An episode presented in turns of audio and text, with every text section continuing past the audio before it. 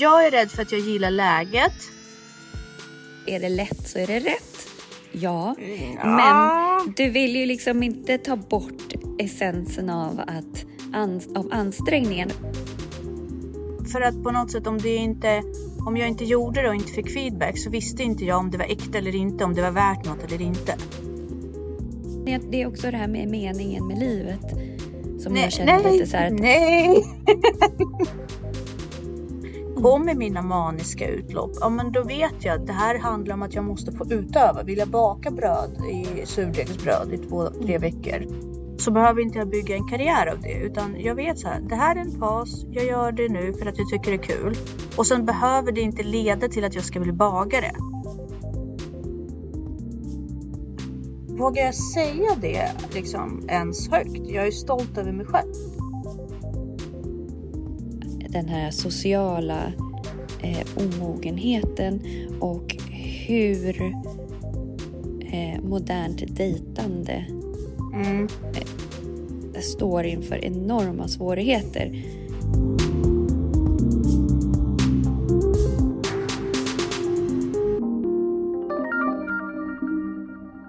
Yes. Eh, mm. Hur har din vecka varit då? Bra! Mm. Har den. Berätta, berätta något roligt. Oj. Eh, Du bara, det händer så mycket kul hela tiden. Tvärtom. Nej, men, men det händer ju liksom Ja. inget sådär extravagant. Och jag tänker att eh, jag gillar ju när det bara är så same same. Och liksom. Ja, ja. Ja, vad bra, vad fint att du säger det. För jag kommer återkomma till det lite senare i det här avsnittet. Men jag har en annan fråga. Det, var länge sedan vi pratade idrott och träning. Ja. Som för eh, tillfället är ju typ helt dött i min värld. Men eh, jag försöker ihärda mina steg varje dag i alla fall. Men däremot så undrar jag hur är, hur är det för dig nu? Har du vanligt träningsschema? Har det varit svårt att hänga med nu när du pluggar? Bara intressant, inte för att sätta någon press eller Jaha. prestationsångest. Men- Jag bara undrar hur du... Alltså, det är lättare när jag pluggar för då har jag mer flexibel Mm. tid. Däremot så blir man ju medveten om, alltså jag får ju andra rutiner. Och, det, och just med det som tar tid också extra är ju hunden. Alltså så att nu har jag börjat kunna springa med henne så att då joggar vi lite tillsammans och då får man ju liksom båda två. Annars är det så här, först ska hon rastas, sen ska jag rastas och sen ska... Så att dagen kommer ju typ inte igång förrän så här elva då alla är klara liksom. Eh, så det är väl Precis. mer så, men... Eh, men eh, förra veckan var en då, Ja. dålig träningsvecka för då var jag så himla trött. Så då tog jag mig faktiskt tid att så här, hoppa över vissa dagar. Eh, men annars så kör jag som jag brukar. Liksom. Det är inte något. Jag tänker inte så mycket på det. Alltså, det kan man ju inte göra för då Nej. blir det bara jättejobbigt. Nej, precis. Ja, jag vet. Men jag tänkte bara, det var så länge sedan vi pratade om just träning och sådär. Så jag tänkte bara mest, mest av ren vänskaplig Ja. liksom så här, nyfikenhet. Så här, hur går det? Men För det, i somras blev det ju ingen sandhand för oss och så. nej, Då kunde vi inte riktigt, för då brukar vi prata en del träning och så. Men, precis. Men själv då? Ja, det är ju det. Alltså, jag bara kör eh, eh, mina steg. Mm. Eh, för att jag får inte, jag får inte till rutinerna. Det är liksom, det är som att varje dag både ser lik men också inte på något sätt. Mm. Och vardagen tar så himla lång tid nu på något sätt. Alltså jag vet inte, vi lagar ju väldigt mycket mat från grunden därför att det är den standarden som Paul har liksom och jag tycker väl att det är superbra för Elisabeth får lära sig men det är så himla tidskrävande för det är inte heller så här laga mat från grunden för Paul handlar inte om att äta ett ägg och en sallad till, till middag utan det är grytor och det är liksom Mm. det är rätt komplex mat och det tar mycket tid och sen köpa in allting och laga och preppa och alltså det, det är liksom never ending story. Så jag jobbar ganska mycket med att försöka strukturisera det utan att behöva utan att det behöver ta liksom all tid utan att det blir mer mekaniskt. Men jag misslyckas faktiskt med det hela Mm. tiden därför att hans standard på mat är väldigt, väldigt hög på ett sätt. Mm. Eller jag kan inte säga det är hög, det är bara så annorlunda från min. Så Mm. kan man ju Mm. säga det. Vilket Mm. tar ju över väldigt mycket tid, vilket gör att ja, jag tyvärr prioriterar bort träningen annat än promenad och sådär. Men jag har börjat eh, verkligen eh, tänka på det nu också så jag känner att det kommer komma när som helst. Mm. Måste återta, därför att jag känner också att jag behöver det rent mentalt. Men eh, ska vi säga varmt välkomna till Ansvarspodden.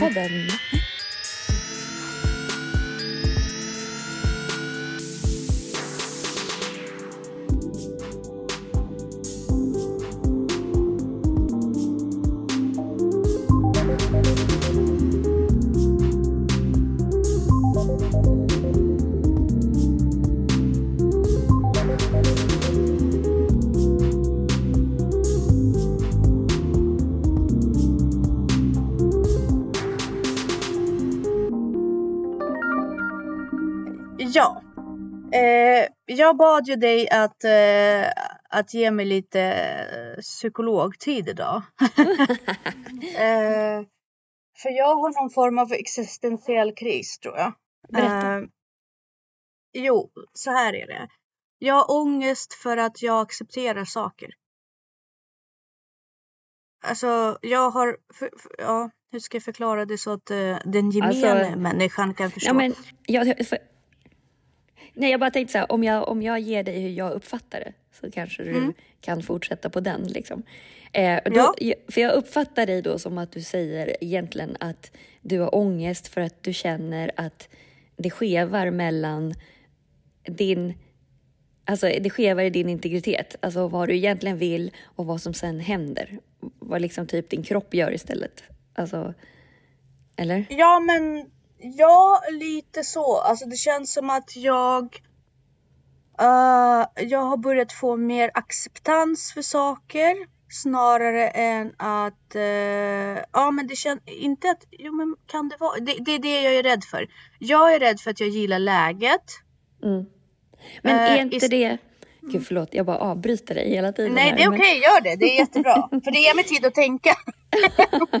Ja, men det var lite så jag tänkte. Men för att jag tänker så här, om jag repeterar eller om jag säger vad jag hör så kan Mm. du korrigera det. Det kanske är lättare än att försöka formulera, eller jag vet inte. Ja, ja, Men, precis. men för det jag tänker är, är det så här, det finns ju två, två spår där.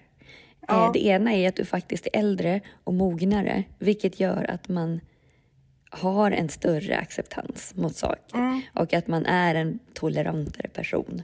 Eh, Mm. Men det kan ju också vara att du känner en ångest i att du faktiskt bryter mot dina egna normer och värderingar och eh, din standard. Eh, och att du känner ångest för det. Att det liksom inte beror på att du accepterar någonting utan att det beror, du kanske känner i grunden att det kanske beror på att du inte orkar. Alltså Ja, den, det det, skulle kunna ge, ge mig ångest och, och att det, det, är beror super, på det. det. Det var jättebra, för det är precis mellan de två versionerna jag ligger. Mm. Och, å ena sidan så har jag aldrig upplevt den här acceptansen för, för verkligheten. Så jag hoppas ju någonstans, eh, min förhoppning är ju någonstans att i och med att jag har jobbat väldigt mycket med mig själv och eh, gått in och lärt känna mig själv. Att Mm. jag äntligen har börjat landa och det är det ena modellen som du förklarar. Mm. Eh, den andra modellen handlar om att jag är så ovan Mm. eh, vid att faktiskt vara nöjd. Mm. Att jag är rädd att jag bara ger upp. Därför att hela mitt liv har ju på något sätt internt eller externt u- gått ut på kamp. Jag har alltid haft en kamp i mitt liv. Eh, det har alltid varit en kamp med relation, eh, barn. Det har varit kamp med jobb och relation med mina föräldrar. Men nu har jag inga kamp. Eh, och det betyder visserligen inte att allt bara flyter på är helt perfekt. Det är inte det jag pratar om. Men jag upplever att jag har läget under kontroll. Och känslan är så främmande för mig att den ger mig ångest. Vet du eh, vem som pratar om det här? Eh, och han gör det på ett väldigt roligt sätt faktiskt. Det är ju Kai Pollak. Ja, Eh, jag kan att- misstänka. Jag kunde nästan misstänka att du skulle säga det.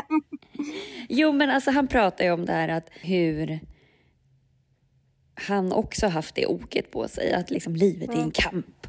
Eh, Ja. Och man ska liksom, det gäller att, att eh, stå ut eller liksom, det gäller att kämpa. Ihärda och precis Ja, så. precis. Men så tar han den parallellen så här, men tänk dig, hur blir det liksom så här, i, om du ska dansa med någon så bara, det gäller att kämpa. Alltså, det funkar ju inte. Eller om du typ har sex med någon eller så här, det gäller att kämpa. Ja men precis. Det, om du tänker i liksom sådana situationer, alltså egentligen är det Gud, jag tror att jag kommer ihåg den. Jag kommer ihåg att, eh, att vi har lyssnat på den videon nu när du säger det. Fan, eh, ja faktiskt. Sen så vill man ju Eh, inte fastna i det så här, är, alltså på ett sätt så stämmer det ju så här, är det lätt så är det rätt. Ja, ja. men du vill ju liksom inte ta bort essensen av att an, av ansträngningen och jag tror att du kanske Mm. måste bara växla om. Att det kan fortfarande vara en ansträngning fast det är lätt men det behöver inte vara en kamp. Eh, Eh, och ja. det är väl där du får landa på något sätt i så här, i varje specifik situation. Eh, för det är också så här, så fort vi bryter ett vanemönster, det är väl det du känner Mm. ångest för också, att det förändras. Det är likadant som, det är det som är så bra med rutiner. Sen om de är Mm. bra eller dåliga, vi får ju fortfarande ångest när vi bryter rutinen. ja. Eh, så att Ja. jag får ju ångest om jag hoppar över att träna till exempel. Och det är inte så Mm. för att jag inte har tränat utan det är bara för att jag bryter en rutin och det blir så här Exakt. skakigt. Det är som en liten jordbävning, att det blir så här Mm. oroligt. Liksom, att någonting annat. Sen så är det beroende på hur mycket rutinmänniska man är. Jag tror att du och jag är jätteberoende av rutiner. Ja, eh, gud ja. För att vi är ångestdrivna så att vi behöver Mm. liksom eh, hålla saker på plats för, för att annars det triggar ångest. Det är så mycket hos oss som triggar ångesten. Så vi måste Mm. liksom så här bara, ja men rutinerna är jätte, jätteviktiga. Eh, så att jag tänker att, att Och, och när man inte har ångest, när man är så van vid ångest och sen helt plötsligt så har den upphört av någon anledning. ja. Då får man ju ångest över att man inte har ångest. Ja, och det, exakt. Och man känner sig lite, lite värdelös för att man liksom... Ja. det, man känner, Alltså- eller inte värdelös, utan det är så här, är det här verkligen viktigt? Alltså då blir hela Ja. livet blir meningslöst på något vis. När du Precis. inte... För ångesten talar ju också om på något sätt att något är viktigt. Ja, den har ju alltid varit min viktigaste vägvisare. Eh, och det, det, är kanske, det är kanske mer liksom, det är mer fel än rätt. Jag vet inte för jag har aldrig varit i någon annans huvud. Men jag har ju alltid uppskattat ångest för någonting som jag kunde hålla fast vid. Det har alltid varit en fast punkt. Ja, och, Eh. ångest som du säger är ju en vägvisare och det är ju också Ja. ett reglage och en motor. Mm. Och jag tror att eh, liksom diagnoser och så, men jag tror att min, min stora räddare i allt är ju att jag är, ång- jag är mer ångestdriven än vad det andra är starkare. Eh, Så att hade inte jag haft ångesten så hade jag haft mycket, mycket större problem med saker och ting. Mm. Ja, precis, för då hade man bara släppt, släppt taget på något sätt. Alltså, det, ångest har ju alltid varit en, eh, en medicin mot depression. Ja, och ADHD och Ja, liksom- ja, ja. Alltså- Givetvis, all, allting sånt. Men jag menar i, i slutändan så handlar det om antingen ångest eller depression i mitt fall. Mm. Eh, jag har aldrig varit benägen att både ha depression och ångest. Utan någonstans har depression alltid avslutats med att jag får jättemycket ångest över andra Mm. saker. Precis, för ångesten är ju en odefinierad rädsla. Ja, Eh, så att då gäller det och för sig alltså, att bara definiera vad rädslan är och ta tag i det. Och det är det som blir motorn sen, eller drivkraften. Eh, så för det tror jag både du och jag är ganska duktiga på att faktiskt här, okej nu har jag ångest för exakt det här. Nu fick jag ångest för det där. Alltså vi är ganska duktiga på att direkt kunna identifiera ångesten och då använda det som okej, då måste jag göra det här så kommer det försvinna. Eller så här, exakt. Och jag tror att, att i mitt fall så har jag faktiskt börjat agera på det. Därför att förr i tiden kunde jag prokrastinera mer. Nu har jag bearbetat min prokrastinering. Så nu när jag vet att jag har en räkning eller en ekonomisk situation som jag har varit inne på veckor innan. Så har det blivit så att jag istället gör det och åtgärdar det och har en plan och vet hur jag ska utvärdera. Vilket gör att den försvinner mycket snabbare än vad jag hade tänkt att den skulle göra. Vilket i sin tur leder till en tomhet. Och det är så här, jaha, Du väntar mm. på nästa problem att lösa. Eller så. Vilket mm. gör mig orolig. Och det här är så intressant för jag, jag den här frasen jag har ångest över att jag inte har ångest. Det var faktiskt min pojkvän som droppade det inför sitt, sin mattetenta. För han mm. blev extremt förberedd, förberedd och mm. han, han var helt klar. Han visste att det var svårt. Han visste liksom att han hade kämpat med det. Men han, han var beredd. Mm. Han var klar liksom. Och sen så sa han det till mig dagen innan tentan. Han bara, jag har ångest över att inte ha ångest. Och Men jag... för det är också så här, vad, mm. vad har jag glömt nu? Alltså, så här, det kan inte Exakt. vara så här lätt. Exakt. Och jag, eh, jag vet att jag var, jag var inte så snäll mot honom. när han uttalade detta. Men nu, eh, jag kanske behövde en djupare dimension för det för att faktiskt landa i det här. Men jag, jag, just nu är jag där jag har ingen, jag har ångest över att jag inte har ångest och därav dilemmat med standard. Därför att jag upplever också att kompetens kommer in i det väldigt mycket. Jag är ju mm. mycket mer kompetent på min egen eh, hand än vad jag någonsin mm. har varit i, i min giftermål mm. i mitt äktenskap. Och mm. eh, nu när jag faktiskt kan reglera saker och ting själv. Jag behöver inte bara ha ångest utan jag kan faktiskt åtgärda problem fritt. Mm. så släpper ångesten. Ja, men jag tänker att det inte alls så konstigt faktiskt. Jag tror att eh, det är likadant som, som eller jag, jag känner ju också så nu. Eh, och det går ju lite, jag tänkte faktiskt på det när jag lyssnade på den här TEDen. Att liksom så här, mm. Mm. Ett, så kan man landa i TEDen och bara det här är jättebra, det är självklart, la la la. Mm. Nummer två, min andra lilla jävel som då hoppar upp på mm. axeln och bara men så här pratar väl ändå bara en människa som är lite trött mm. och vill ta det lite lugnt. Mm. Alltså förstår du vad jag menar? Att, ja, ja. Mm. Alltså han lyfter ju det här med, eller det är en, en, en eh, TED eh, från eh, den här eh, The Diary of a CEO. Ja. Eh, och eh, då så intervjuar han en filosof som heter Diego Perez. Mm. Han har väl ett alias också, Young Pueblo tror jag. Mm. Ja. Men, men, och han pratar ju om det här vikten av meditation, vikten av mm. att ta det lugnare och sådär.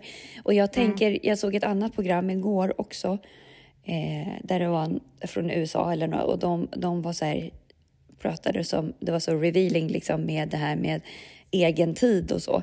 Eh, mm. Jag tror att USA ligger lite efter oss mm. på det här, eller vad man ska säga. För, för oss är det här mm. ju inga konstigheter, det här har ju förespråkats mm.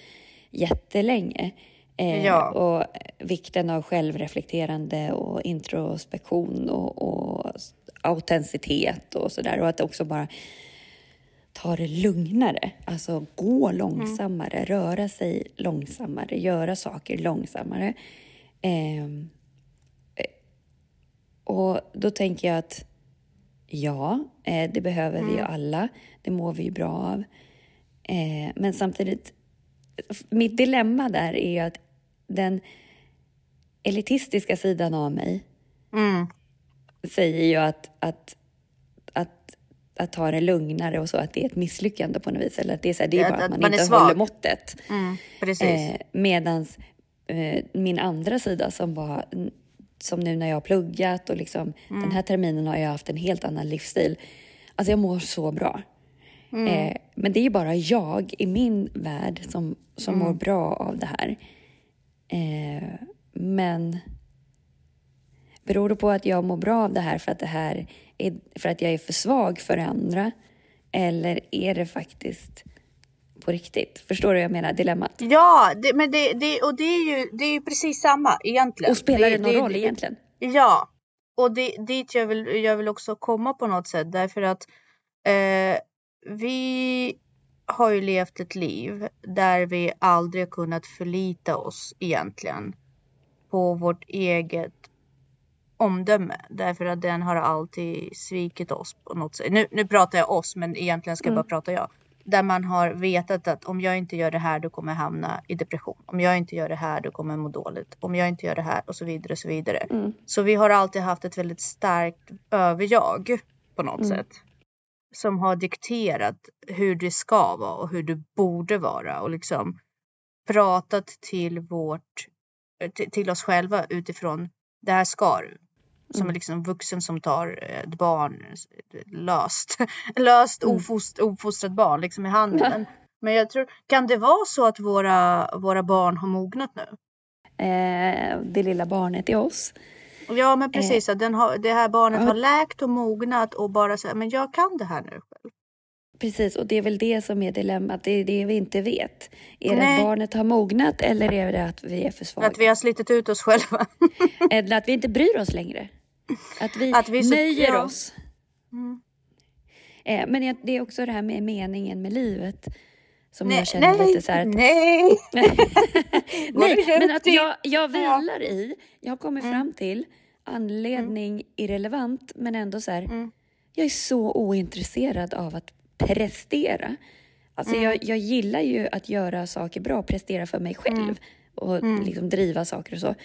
Är så ointresserad av så här, karriär, imponera Mm. på andra. Jag vill typ Ja. bara vara i fred. Jag vill inte behöva redovisa mig själv inför andra överhuvudtaget. Exakt. Jag vill liksom inte...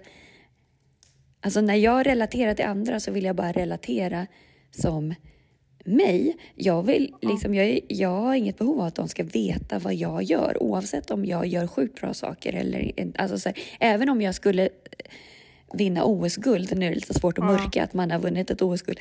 Men, även Ja, om, men jag alltså, förstår vad du jag har menar. noll behov av att berätta det. Alltså jag har noll Ja. behov av att folk ska veta vad jag gör bra. Och, och jag tror, jag vill bara spinna vidare på det. Jag har ju haft ett otroligt behov att berätta för folk vad som händer. Jag med. Jag med. Eh, Eller inte berätta vad som bara- händer utan alltså att visa att mina prestationer. Att få bekräftelse för mina prestationer. Ja men precis. Ja och bara liksom eh, för att på något sätt om det inte om jag inte gjorde det och inte fick feedback så visste inte jag om det var äkta eller inte, om det var värt något eller inte. Så man saknar ju integritet egentligen. Det går ju ner till integritet. Och nu känner jag så här, herregud, jag behöver inte lyfta luren och ringa någon varje gång något händer längre. Och, eh, och jag har ju också alltid på något sätt fruktat att vara själv på egen hand. För att ibland är det skönt men ibland är det också läskigt. Och nu finner jag mig i en situation där om, om Paul säger kan jag göra det här? Liksom. Mm. Eh, jag bara, ja visst. Jag bara, men vill du vara med? Nej, jag vill faktiskt inte vara med. Men Mm. är det okej att jag gör? Jo, men det är helt okej. Alltså, jag är okej i alla fall därför att jag vet hur jag kan vända på varje situation Mm. så det blir bra för mig. Det ger mig inte längre ångest. Vill han Mm. att jag ska med på någon fest? Ja, men då vet jag vem jag kan prata med och hur jag ska vara för att det ska vara gynnande för mig. Vill Mm. han åka och göra någonting med grabbarna så är det också okej därför att ja, jag vet vad jag ska göra. Alltså förstår du? Allt är Mm. okej. Jag gillar läget.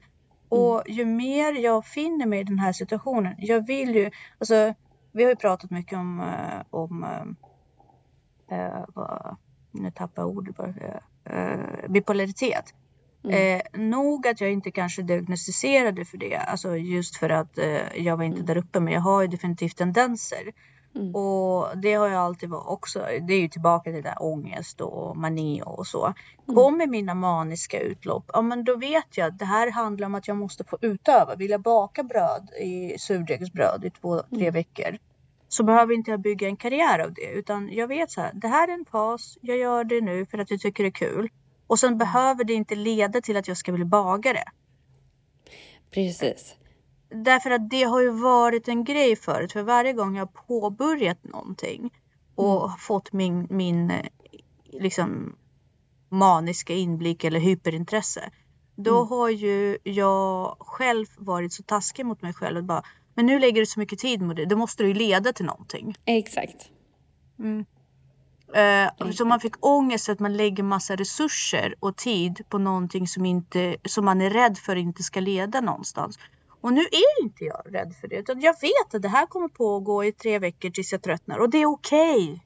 Mm. Därför det är det som gör mig lycklig. Vissa människor tycker om att djupdyka ner eh, och utforska en slags hobby. Jag gillar att byta hobby. Det är min hobby att byta hobby. Mm. Liksom, Och jag har märkt också att så här, när jag delar saker, mm, eh, när någon annan engagerar sig i vad jag gör, Mm. då dör allting. Ja. För då har de redan drivit upp, du vet det här när Mm. man liksom, man behöver inte, jag har ju svårt att slutföra projekt för att jag är redan klar i mitt huvud. Alltså jag har redan Mm, fått precis. dopaminet av, av det. För Ja. jag har redan sett hur det ska vara och hur det blir.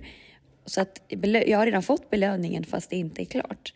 Och när folk engagerar sig i vad jag gör och peppar och tycker att det är bra, då dör det helt. Alltså då, då tappar jag... Ja, då är det som att de Ja. liksom stjäl Ja. min... Alltså då, ja, de liksom... De, ja, de stjäl din grej. Ja, eller liksom att de så hijackar eh, Energin mitt projekt. Ja, verkligen. Ja, men verkligen. Ja, Eh, ja, jag vet. Så att jag måste liksom göra saker i hemlighet Mm. eh, för att ro i landet. Ja, och, och också just för att det är så prestationslöst när ingen vet om det. Mm. Jag får göra precis som jag vill, jag behöver inte redovisa resultat. Nej. Jag kan faila och göra om och tycka det är helt okej. Och sen så kommer någon och bara värdera det. Det är värderingen av det. Ja, Då känner jag jag så hatar här, värdering. ja, det, är Ja. inte, det är inte mitt längre.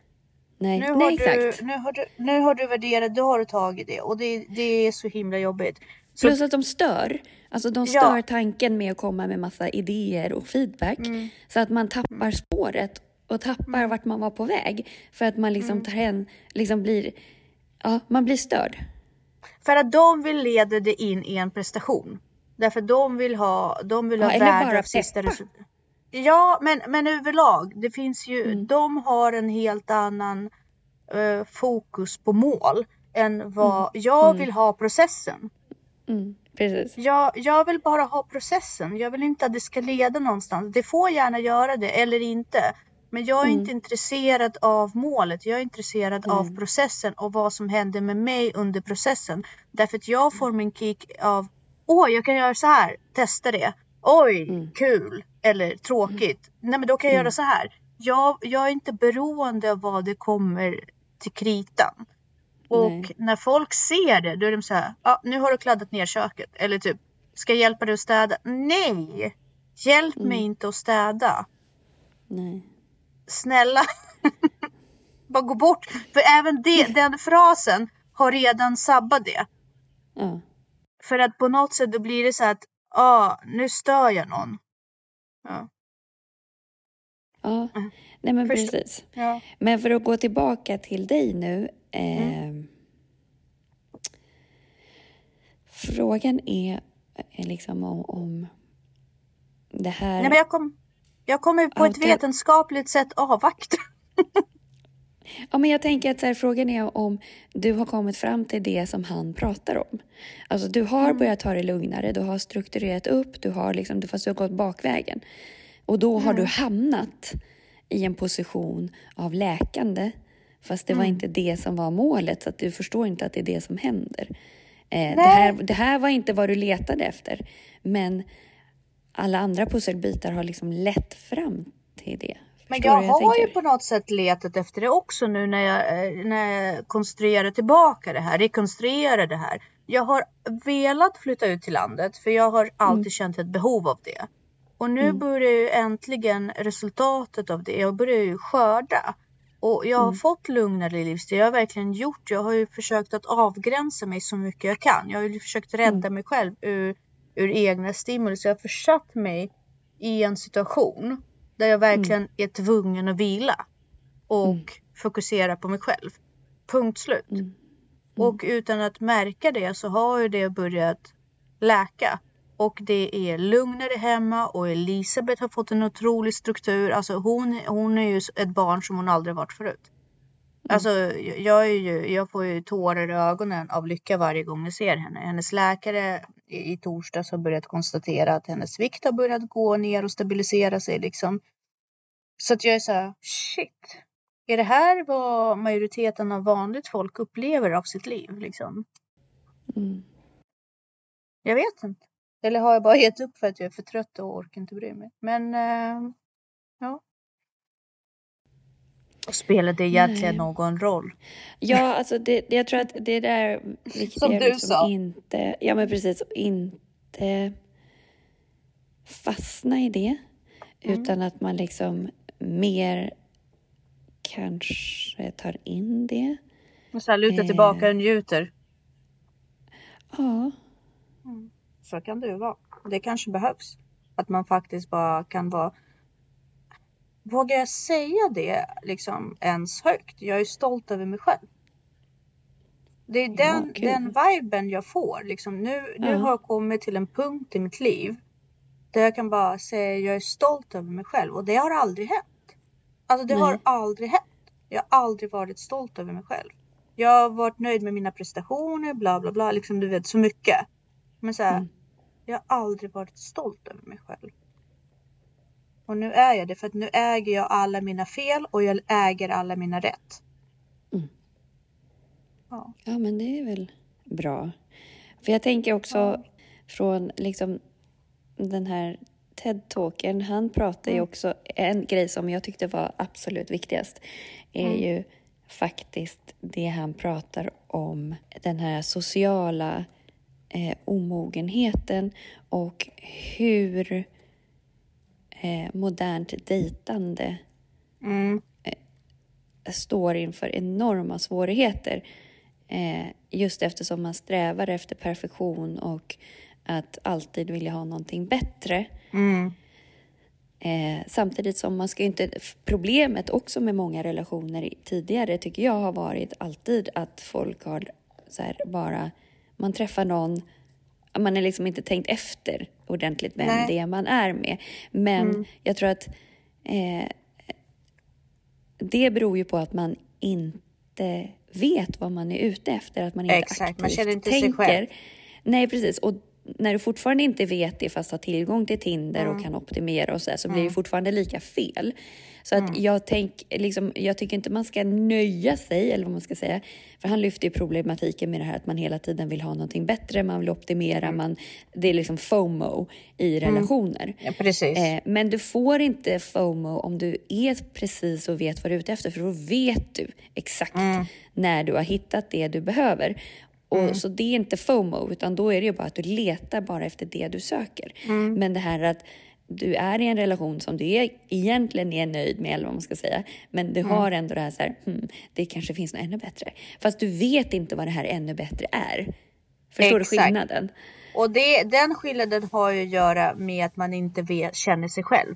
Nej, och då, då, då måste man ju gå tillbaka till sig själv i det här fallet. Det är, här, är, är jag ute efter en annan partner? Eller Mm. är ute efter att jag inte vet vad jag behöver? För det är Mm. helt olika saker. Man kan, Precis. inte, man kan inte, eller man kan, men det är väldigt Mm. svinigt.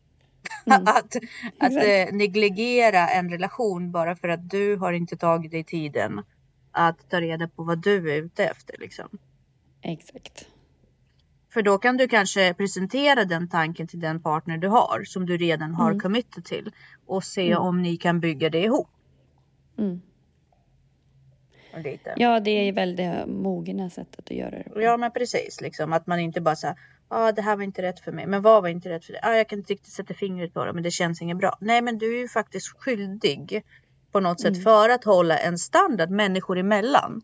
Att Mm. ge den människan det svaret liksom så här, inte bara flytta Mm. runt som som veliga möber hela tiden så här, utan Mm. nej men det här funkar inte för det här, det här, det här. Men det här kan jag faktiskt anpassa. Mm. Ja men nej jag vill inte. Eller så det är ju Ja. menings, meningslöst. Liksom. Mm. Men hur tänker du vidare då kring dig själv och sådär? Alltså jag, eftersom jag, jag sa det, jag kommer att approacha det här väldigt vetenskapligt. Jag kommer iaktta och utvärdera. jag kommer inte gå runt och skapa problem utan jag kommer bara se vad som händer. Därför att eh, om, om jag skulle bli uttråkad och tappa dopamin i det här, då kommer Mm. jag ju starta med någonting annat. Det kommer ju komma. Men Mm. om jag inte gör det, då kanske läkandet eh, det kanske är läkande. Det kanske är den nya versionen av mig. Tanja Mm. 2.0. Och då kanske det här med idrott kommer komma tillbaka på ett mer naturligt sätt. Och jag kommer liksom kunna inte göra allt till grandiosa projekt, livsförändrande projekt, utan hitta mer balans där alla Mm. delar av mig blir naturligt balanserade och ingenting behöver pika eller sticka ut längre. Utan det, naturliga faser som byter av varandra. Jag tror det är det som har varit liksom lite felet, att varje ny sak jag har tagit an har varit, har varit tvunget att leda till en karriär och att hitta mig själv. Som, Det slog ju mig så, eller det slog inte mig, gav mig en jättefin eh, relation, eh, förhållningssätt när jag såg din saxofon. Mm. Eh, nej men alltså på riktigt därför att jag tycker att det är fint. Det är fint att vara i ett hem där allting finns till hands. Och man kan bara njuta av sin tillvaro. Eh, Ja, men vad det gäller musik, nu är saxofonen ju egentligen mest bara därför att den är snygg. Eh, Mm. jo men, men du har ju piano också och du har Ja. ju Och det är Det ju är liksom- det är väldigt medvetet för mina barn. Mm. För jag tänker så här att finns det instrument tillgängligt så kommer Ja. Mm. de lyfta upp dem till slut. Ja men precis. Och det, det är hela din, det, det här sättet att förhålla sig till att göra saker och ting tillgängliga istället för att pusha och sen bara se kreativiteten flöda. Och det är väl dit jag också har kommit någonstans nu och är tacksam för det. Därför att då kan man ju landa i det, att man bara njuter av sitt liv därför att man, man njuter av det. Eh, därför det finns eh, tillräckligt med stimulans och djup i det man gör och producerar för en själv, inte för alla andra. För det är, om, man, om, man, om man gör en throwback tillbaka till USA så, Mm. Så är ju de väldigt målinriktade och kapitalistiska i grunden. Det är därför jag tror också att Sverige, som du nämnde förut, inte lika... Alltså vi är mer medvetna om jaget och välbefinnandet och så. Därför att vi har alltid haft en större social sektor som har kunnat bära Mm. upp det. Det har inte de kunnat göra i USA därför att eh, allt handlade om att skapa vinst och resurs Mm. för dem själva att överleva. Så de var, de var tvungna på något sätt att kapitalisera sig. Vad är Mm. kapitalet i det du gör? Mm. Eh, och det har aldrig handlat om njutning utan det har handlat om profit, vinst liksom.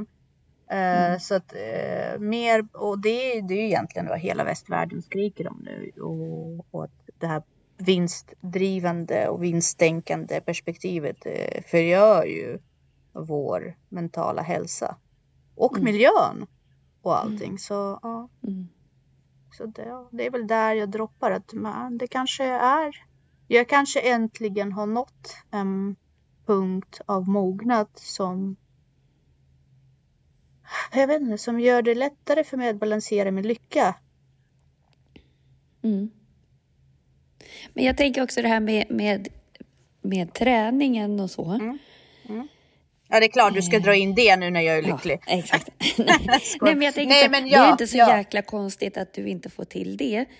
Du bor ju jättekonstigt i förhållande till... Alltså så här, du skulle ju egentligen behöva ha typ nå, någon typ eh, cross-trainer eller någonting sånt hemma.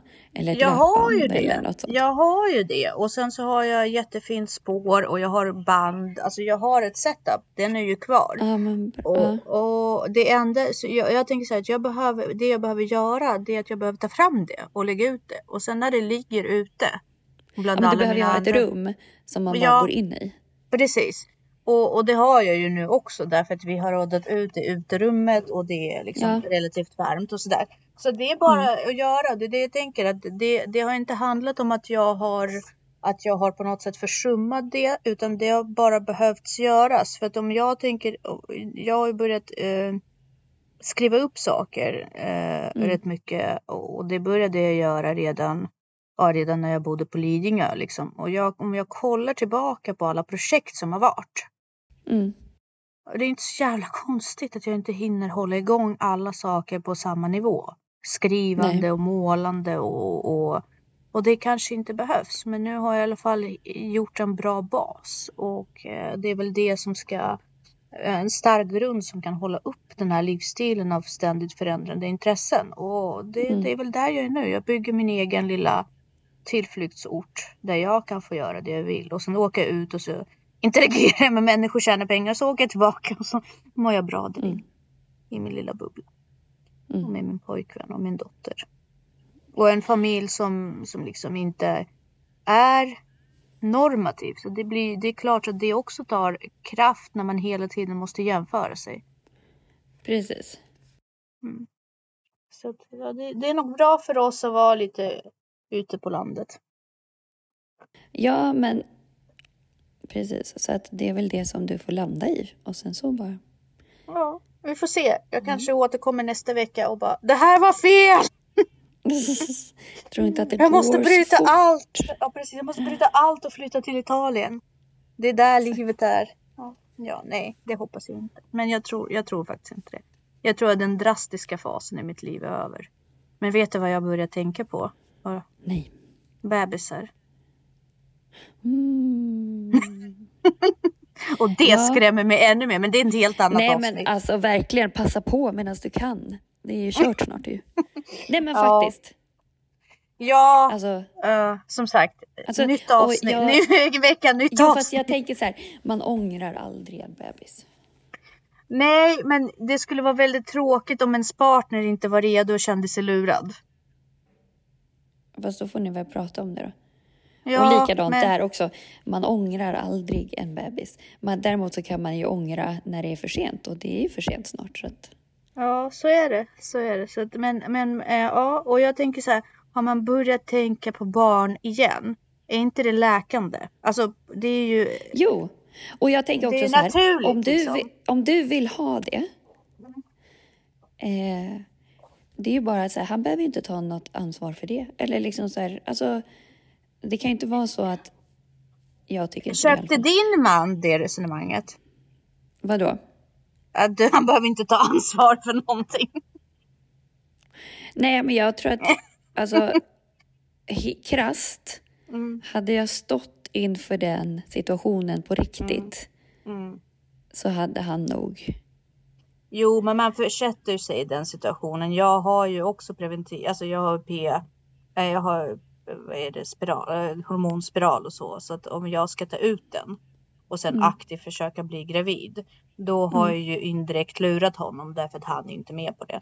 Så att eh, om jag kan inte ställa mig inför det rent krass därför att. Nej, men alltså du kan ju säga, alltså så här, om han... Alltså, säger han rakt ut så här, jag vill alltså, absolut inte ha barn. Ja, nej, han säger att jag Mm. absolut inte vill ha barn nu. Nej, men precis. Men när han kom på att han vill ha barn, då är det ju för sent för dig. Och det Så att har jag ju sagt här- till honom. Men säg så här då. Eh, Du behöver inte ha barn just nu. Jag kommer ha det just nu. Sen kan du haka på när du är redo. Ja. Men Ja, för mig det- går tåget nu liksom. Ja, så jag hoppar på nu och sen du hoppar på när du vill. Ja, ja. Nej, och sen faktiskt. är han där i, produk- reproduktionsfälla. Men eh, det, det får vi, det, vi får ju prata om det vidare för det, det ligger liksom någonstans i tiden för mig nu. Men, men, men jag tänker så här, om jag själv har gått Mm. in i ett spår där jag vill föröka mig igen. Då måste jag Mm. vara tillräckligt landad i mig själv på något sätt. Mm. Eh, där jag har tillräckligt med trygghet i mig själv att jag förstår att jag tänker att bara det, Mm. så behöver inte agera på det, men det kan ju vara ett tecken på, på läkande. Exakt. Jag vet inte, kan det vara det? Tror du att det kan finnas en poäng? Ja, Mm. verkligen. Att folk som är i kris eller mår dåligt, de vill ju inte skaffa fler barn, tänker jag. Nej, nej. Och det har jag aldrig velat, inte sen egentligen vi blev gravida med Bettan. Men nu är jag ju där och vill bara börja tänka i de barnen. Bara gud. Nu skulle jag också kunna vara en helt annan typ av förälder. Mm. Spännande! Exakt. Ja, Mm. perfekt. Vi får se vad det här landar i. Men, men ja, det var lite det var spännande avsnitt. Så ångest över att inte ha ångest är en spännande koncept. Eh, som eh, man borde grotta i lite Ja. mer. Eller ser det som att du har egentligen inte ångest för att du har ångest. Du har ångest för att någon, någon, något mönster har brutits. Ja, ja. Vi säger tack och hej för denna gång. Det gör vi. Tack och hej.